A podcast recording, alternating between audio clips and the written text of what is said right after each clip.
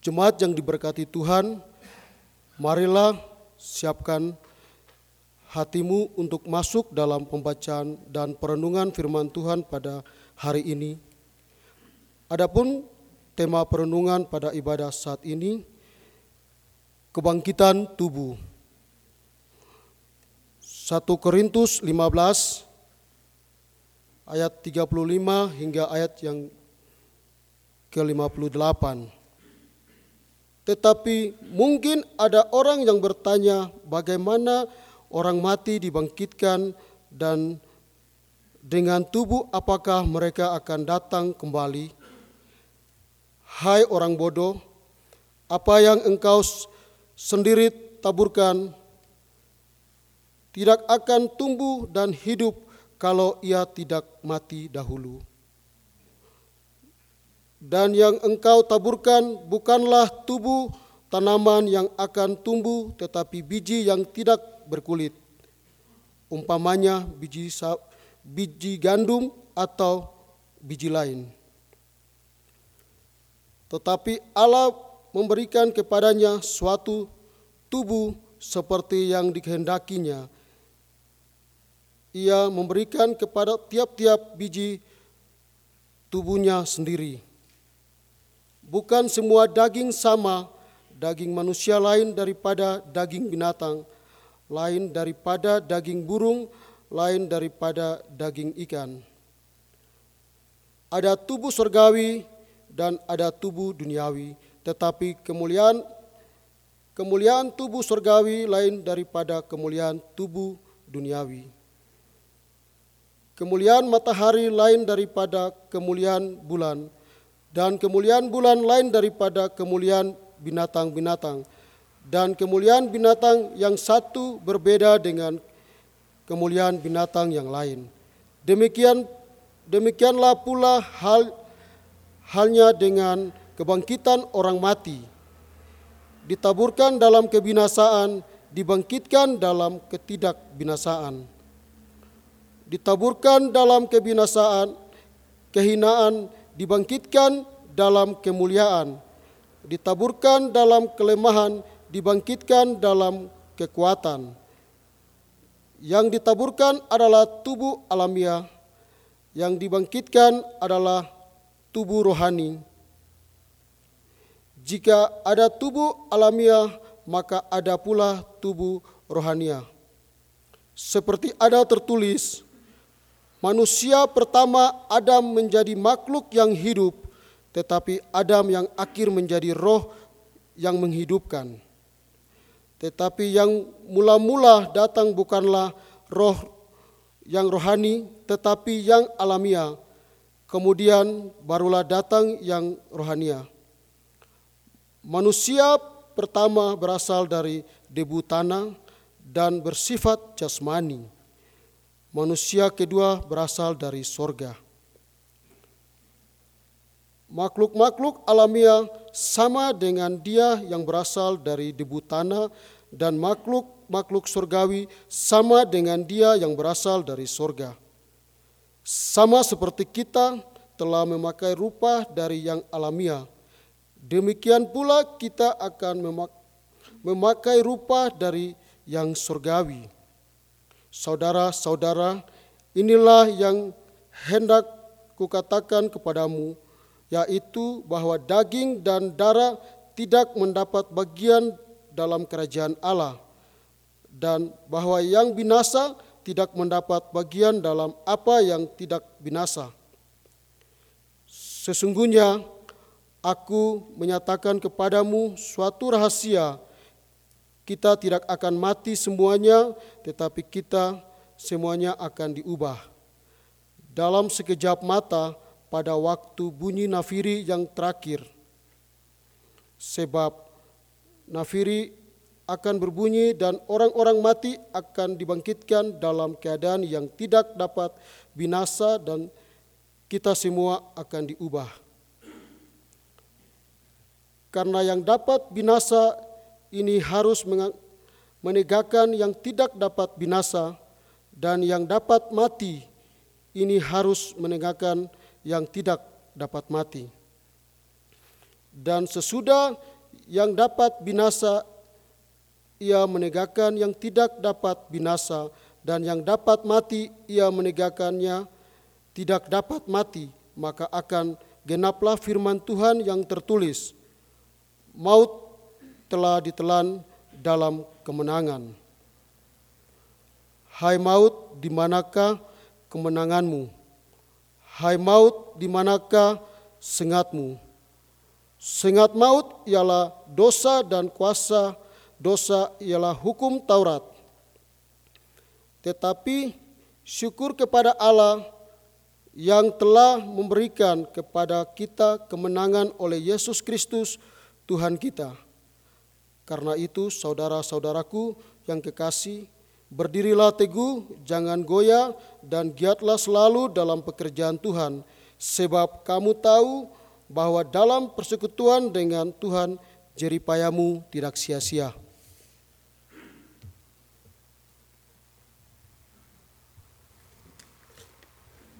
Demikianlah firman Tuhan. Berbahagialah segala orang yang mendengar firman Allah serta memelihara dan melakukannya di setiap saat dengan sukacita. Haleluya. Shalom. Salam sejahtera untuk kita sekalian di malam hari ini.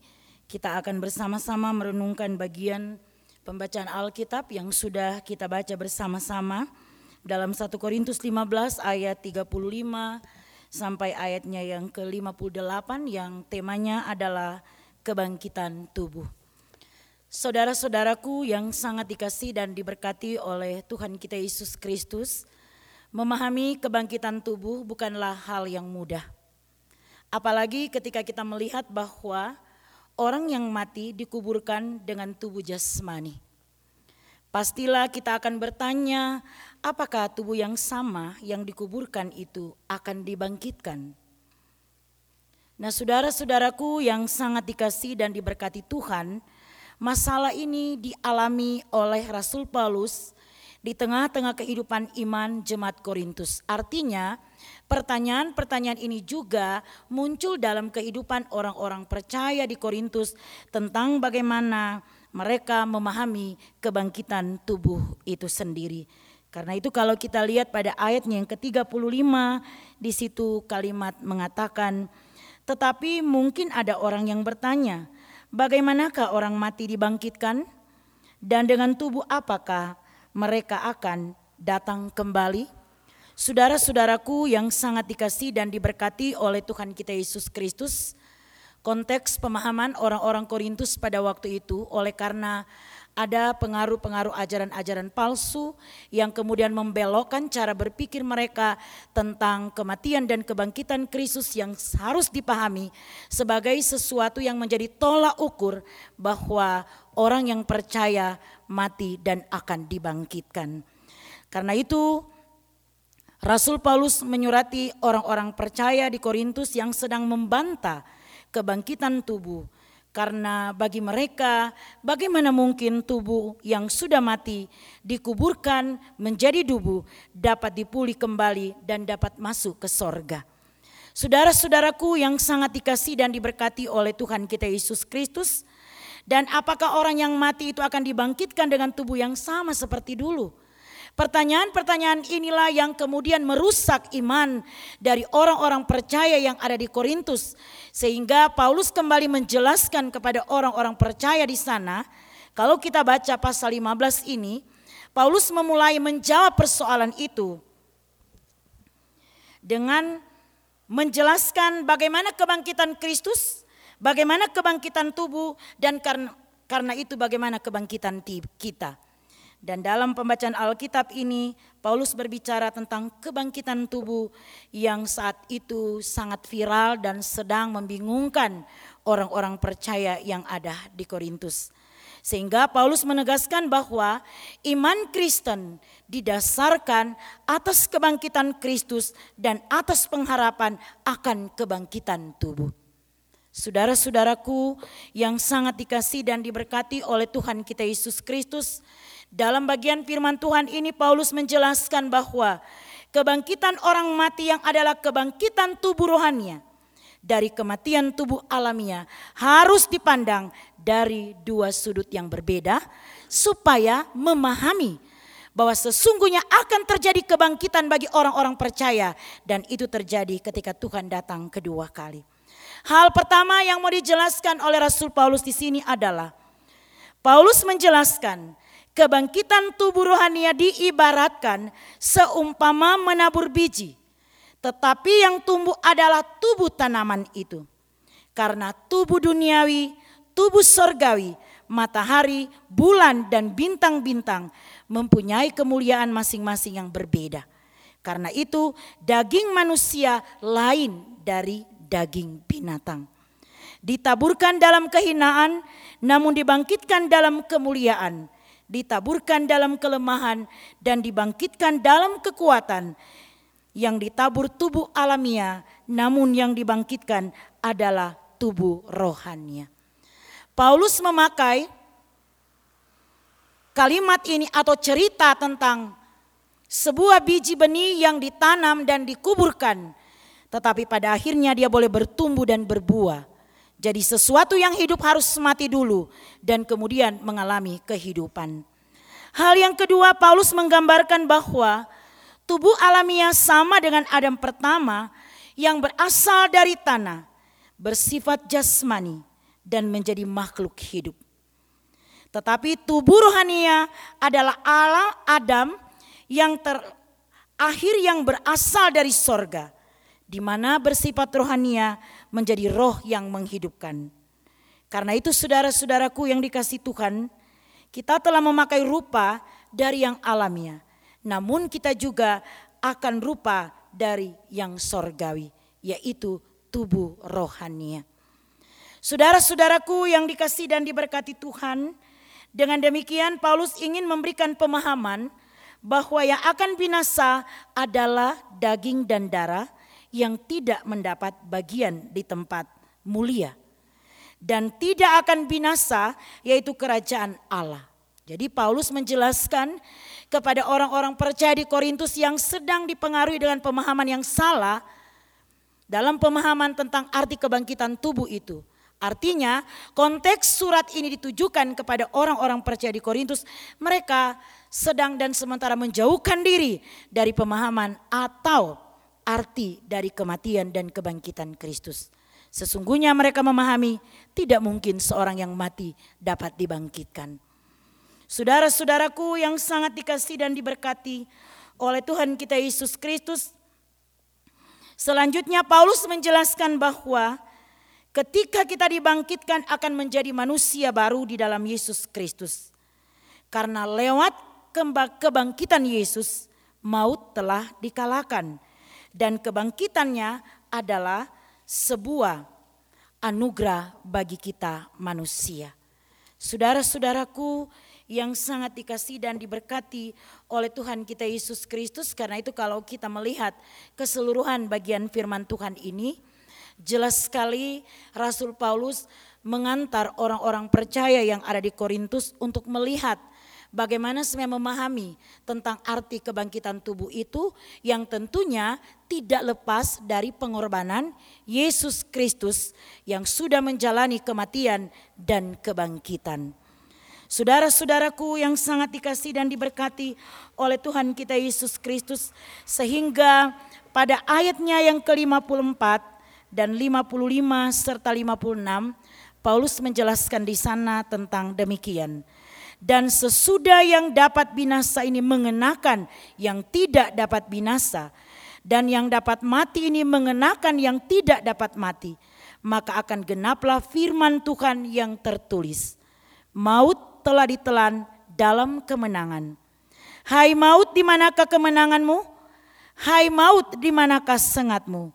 Sengat maut ialah dosa dan kuasa dosa ialah hukum Taurat. Tapi kemudian pada ayat yang ke-27 Paulus mencatat bahwa tetapi syukur kepada Allah yang telah memberikan kepada kita kemenangan oleh Yesus Kristus Tuhan kita. Jadi Paulus mau supaya umat ini mendasari cara berpikir mereka untuk mendorong pertumbuhan iman supaya tidak mudah diombang-ambingkan dengan ajaran-ajaran sesat yang berkembang pada saat itu. Kita tahu Kota Korintus adalah satu kota yang sangat besar ya. Dikatakan kota metropolitan, pusat perdagangan, dan bukan tidak mungkin di sana berkembang ajaran-ajaran sesat baik secara ilmu pengetahuan teknologi apalagi tentang ajaran Injil Yesus Kristus yang rupanya sudah dibelokkan oleh kelompok-kelompok bidat yang tidak menginginkan ajaran Rasul Paulus itu memberi pertumbuhan bagi orang-orang percaya yang ada di Korintus khususnya tentang masalah kebangkitan tubuh ini yang notabene mengantar mereka harus memahami bahwa Kristus yang mati telah bangkit pada hari yang ketiga dan karena itu orang percaya juga akan mengalami kebangkitan. Dan kebangkitan bagi orang percaya bukan lagi secara jasmani, tetapi kebangkitan rohani, yaitu menuju kepada kehidupan yang kekal, hidup di sorga, memuliakan Allah dan kerajaannya. Saudara-saudaraku yang sangat dikasih dan diberkati Tuhan, pertanyaan bagi kita yang perlu kita renungkan saat ini dan seterusnya selama minggu yang akan berjalan ini. Apakah saudara-saudara percaya bahwa ada kebangkitan bagi orang yang sudah meninggal?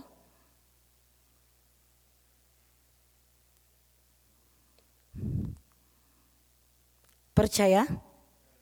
percaya ya. Artinya percaya bukan berarti dia bergentayangan ya. Karena biasanya ada orang kalau meninggal, ya ini saya sedikit bercerita, pada hari ketiga. Banyak pemahaman-pemahaman yang salah yang kemudian mengedarkan cerita ini adalah hari ketiga dari seseorang yang meninggal, saudara kita atau siapa pun dan kemudian ada orang yang memahami, pasti dia akan datang menjumpai kita. Itu pemahaman-pemahaman di kampung ya. Itu bukan berbicara tentang kebangkitan tubuh. Tetapi itu berbicara tentang mitos-mitos yang kemudian kemungkinan besar akan merusak iman kita. Dan karena itu kita tidak percaya bahwa kebangkitan itu akan terjadi ketika Tuhan datang kedua kali. Jadi belum terjadi ketika kita mati pada hari ketiga. Kita bukan Yesus Kristus. Yesus mati dan bangkit untuk menyatakan kuasa Allah. Dan Yesus mati dan bangkit untuk melayakkan orang percaya hidup di dalam anugerahnya. Dan karena itu mengalami kebangkitan rohani. Saudara-saudaraku yang sangat dikasih dan diberkati oleh Tuhan kita Yesus Kristus karena itu pada ayatnya yang ke-58 di sana Rasul Paulus mencatat surat ini kepada orang-orang Korintus tapi juga untuk saya dan saudara. Karena itu saudara-saudaraku yang kekasih, berdirilah teguh, jangan goyah dan giatlah selalu dalam pekerjaan Tuhan. Sebab kamu tahu bahwa dalam persekutuan dengan Tuhan jeripayamu tidak sia-sia. Kalimat ini adalah satu kalimat yang akan memotivasi orang percaya yang ada di Korintus supaya mereka tak usah bingung dengan ajaran-ajaran yang menyesatkan mereka, tetapi memberi diri fokus untuk pelayanan Tuhan dan melibatkan Tuhan di dalam pekerjaan dan kehidupan setiap hari, karena pada akhirnya jeripaya kita tidak akan sia-sia dalam persekutuan dengan Tuhan, jeripaya kita tidak sia-sia. Iman atau kepercayaan kita kepada Tuhan tidak akan menjadi sia-sia, tapi justru akan membawa kita untuk mengalami kebangkitan rohani. Sekali lagi, saya mau bertanya kepada saudara-saudara, minta maaf kalau metode berkhotbah saya seperti ini. Apakah saudara-saudara percaya bahwa ketika saudara-saudara mengalami kematian, saudara-saudara akan dibangkitkan pada hari kedatangan Tuhan? Harus percaya. Karena tujuan hidup kita di dalam dunia ini adalah supaya pada akhirnya ketika sangkakala berbunyi dan Tuhan Yesus datang sebagai hakim yang adil untuk saya dan saudara. Entah mereka yang sudah mati dan kita yang masih hidup akan dibangkitkan bagi mereka yang mati dan kita yang hidup yang percaya akan diarak-arak oleh kuasa Tuhan masuk dalam kerajaan yang kekal. Saudara-saudaraku yang sangat dikasih Tuhan, karena itu jangan jadi seperti orang-orang Korintus yang mungkin sampai saat ini kita masih dalam suasana atau konteks yang selalu bertanya. Ketika kita mengalami duka cita, kita berontak dan protes kepada Tuhan. Dan seolah-olah kita ingin supaya apa yang kita alami itu harus dihalaukan atau orang yang sudah mati itu harus dipulihkan kembali. Belum saatnya saudara-saudara. Tapi kita percaya saudara-saudara kita yang sudah mendahului kita, mereka pasti akan dibangkitkan dan hidup bersama-sama dengan orang yang percaya. Saya dan saudara yang setia, yang selalu bekerja bersama dengan Tuhan Yesus dalam setiap pelayanan dan pekerjaan serta tanggung jawab kita. Kita akan mengalami kebangkitan rohani dan di situlah kita melihat bagaimana kita hidup di dalam kerajaan sorga. Memang sorga kita belum tahu ya saudara-saudara. Jangan saudara-saudara bertanya, memangnya sorga gimana? Saya tidak bisa menjawab kepada saudara-saudara. Yang pasti itu akan tercipta ketika Tuhan datang kedua kali dan membawa saya dan saudara untuk mengalami kehidupan yang kekal. Tuhan memberkati firman-Nya bagi kita dan akan memampukan kita sekalian untuk tetap percaya bahwa ada kebangkitan tubuh, yaitu tubuh rohani bagi orang yang percaya kepada Tuhan ketika dia mengalami kematian. Tuhan memberkati firman-Nya. Amin. Marilah kita berdoa. Terpujilah Engkau ya Tuhan Allah pencipta langit dan bumi, Allah yang maha kasih dan Allah yang selalu ada dan menyertai kami. Kami sembah Engkau Tuhan Allah di dalam nama Yesus Kristus yang sungguh kami imani sebagai Sang Juru Selamat di dalam hidup kami. Ketika dosa merasuki dunia ini Tuhan, kasihmu besar untuk kami dan diutusnyalah putramu menjadi Juru Selamat penebus dosa kami. Kami muliakan segala kuasa dan kebesaranmu ini Tuhan dalam persekutuan ibadah yang boleh kami lakukan di malam ini. Ketika kelayakan Tuhan anugerahkan bagi kami, kami benar datang menyembah Engkau Tuhan. Kami naikkan segala puji-pujian dan kidung kepadamu ya Tuhan. Sebagai rasa sukacita dan syukur kami oleh karena anugerahmu besar memberkati dan melayakkan kami untuk terus berjalan berkarya demi kemuliaan namamu Tuhan. Terima kasih untuk firman yang boleh diperdengarkan kepada kami di malam ini. Kiranya oleh kuasamu engkau menyempurnakan firmanmu ya Tuhan. Supaya setiap hari kami memahami bahwa sesungguhnya kematian dan kebangkitan Kristuslah yang kemudian melayakkan kami orang percaya mengalami kebangkitan rohani sesudah kematian. Terima kasih ya Tuhan untuk firman-Mu. Kiranya kami dimampukan oleh kuasamu untuk menjadi pelaku firman Tuhan, baik di dalam rumah tangga kami, dalam pergaulan kami, dalam pekerjaan kami, apalagi dalam pelayanan kami di jemaatmu ini. Bapa di dalam surga, hamba bersyukur bersama dengan jemaatmu yang beribadah di malam ini. Betapa banyaknya berkatmu datang melawat kami Tuhan. Kesehatan, kekuatan, pekerjaan kami diberkati, rumah tangga kami diberkati, tetapi juga ada begitu berkat sukacita yang selalu Tuhan nyatakan di dalam kehidupan kami sekalian. Sehingga di malam ini Tuhan, sungguh kami pun bersukacita. Sambil kami membawa segala pemberian persembahan kami yang kami nyatakan dengan segenap hati di hadapanmu. Ditaruh dalam kotak persembahan yang ada, tetapi juga bersama dengan salah satu pribadi yang tinggal di Baraka 207 telah menyatakan persepuluhan di malam ini. Tuhan, terimalah persembahan kami ini Tuhan. Pemberian kami adalah pemberian yang tidak sebanding dengan darah Yesus Kristus yang menetes di atas bukit Golgota, yang oleh pengorbanannya untuk kami Tuhan. Tetapi kami percaya ketika kami memberi dengan sukacita, apa yang ada pada kami saat ini Tuhan, kami nyatakan di hadapan-Mu. Berkati dan kuduskan persembahan ini. Berkatilah setiap pribadi jemaat-Mu Tuhan. Dan salah satu pribadi yang telah memberikan persepuluhan. Kami tidak meminta lebih ya Tuhan, tapi kami percaya semua yang kami butuhkan sudah disiapkan oleh Tuhan. Kepadamu kami bawa semua pemberian ini. Biarlah apa yang kami beri di malam ini boleh layak digunakan untuk misi pekerjaanmu. Tapi lebih dari itu untuk kepujian namamu ya Tuhan. Di malam ini hamba berdoa untuk jemaat yang datang beribadah. Baik yang ada dalam gedung gereja, tapi juga mereka yang mungkin mengikuti ibadah secara online. Masing-masing jemaatmu ini Tuhan, sedang menyatakan doa pribadi kepadamu. Ada jemaat yang bersuka cita, ada jemaat yang bersyukur, ada jemaat yang memiliki beban dan persoalan, ada jemaat yang sedang membawa pekerjaan mereka, tanggung jawab mereka, tapi juga mereka sedang berdoa untuk rumah tangga, suami istri, tapi juga masa depan anak-anak mereka. Tuhan, dengarkanlah doa jemaatmu ini. Hambamu tidak punya kuasa untuk menjawab, tetapi di dalam nama Yesus hamba percaya Tuhan sedang menyiapkan jawaban untuk jemaatmu ini sesuai dengan kebutuhan mereka.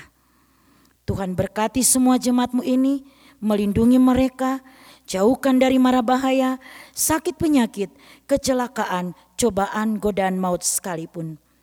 Berkenanlah Tuhan membawa jemaatmu ini Tuhan, ke jalan selamatmu yang penuh damai dan sukacita, tapi juga boleh mendapatkan kesuksesan dalam pekerjaan dan usaha, tetapi juga khususnya anak-anak muda yang sedang dan sementara memperjuangkan masa depan mereka.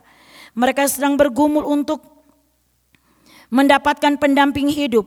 Tuhan kiranya campur tangan dan menjawab doa-doa dari anak-anak muda yang ada di jemaat GKI Kalvari Tembagapura. Kiranya oleh kuasamu mereka boleh mendapat pendamping hidup yang seiman kepadamu Tuhan. Oh Tuhan yang maha kuasa, kami bersatu hati di malam ini bergumul bersama dengan Ibu Tupa Aom yang dibawa ke emergensi karena sakit. Tuhan, kiranya Engkau melawat Ibu Tupa Aom yang saat ini sedang ditangani oleh medis di emergensi Rumah Sakit Tembagapura. Kami tidak tahu apa yang menyebabkan Ibu Tupah mengalami sakit ini Tuhan. Namun kami percaya Engkau mengetahui semuanya dan Engkau sedang melawat Ibu Tupah Awam meletakkan tanganmu di dalam nama Yesus di bagian tubuh Ibu Tupah Awam yang saat ini Tuhan mengalami sakit. Kiranya oleh bilur-bilurmu, ya Yesus Kristus, terjadilah kesembuhan untuk Ibu Tupa Awam. Bapa di dalam surga, terpujilah kuasa dan mujizatmu. Inilah doa kami untuk Ibu Tupa Awam. Ya Tuhan Allah Bapa di dalam surga, terima kasih untuk malam yang indah ini. Kami sudah dilayakkan untuk melayanimu dan karena itu ya Tuhan, lihatlah pelayanan kami ini. Diberkatilah semua kami yang terlibat dalam pelayanan di ibadah malam ini. Penatua dan Siamas, pemain musik, singer, tim multimedia, radio suara kasih. Semuanya kami persembahkan untuk kemuliaan-Mu ya Tuhan. Biarlah disempurnakan oleh Tuhan dan Tuhan memberkati semua mereka yang sudah melayanimu. Kiranya segala jerih dan juang di malam ini tidak menjadi sia-sia, tetapi benar-benar membawa kehidupan kami yang melayanimu Tuhan untuk tetap hidup di dalam anugerahmu. Terpujilah engkau Tuhan seluruh kehidupan kami, malam ini, esok, dan seterusnya. Kami hanya serahkan di dalam tanganmu.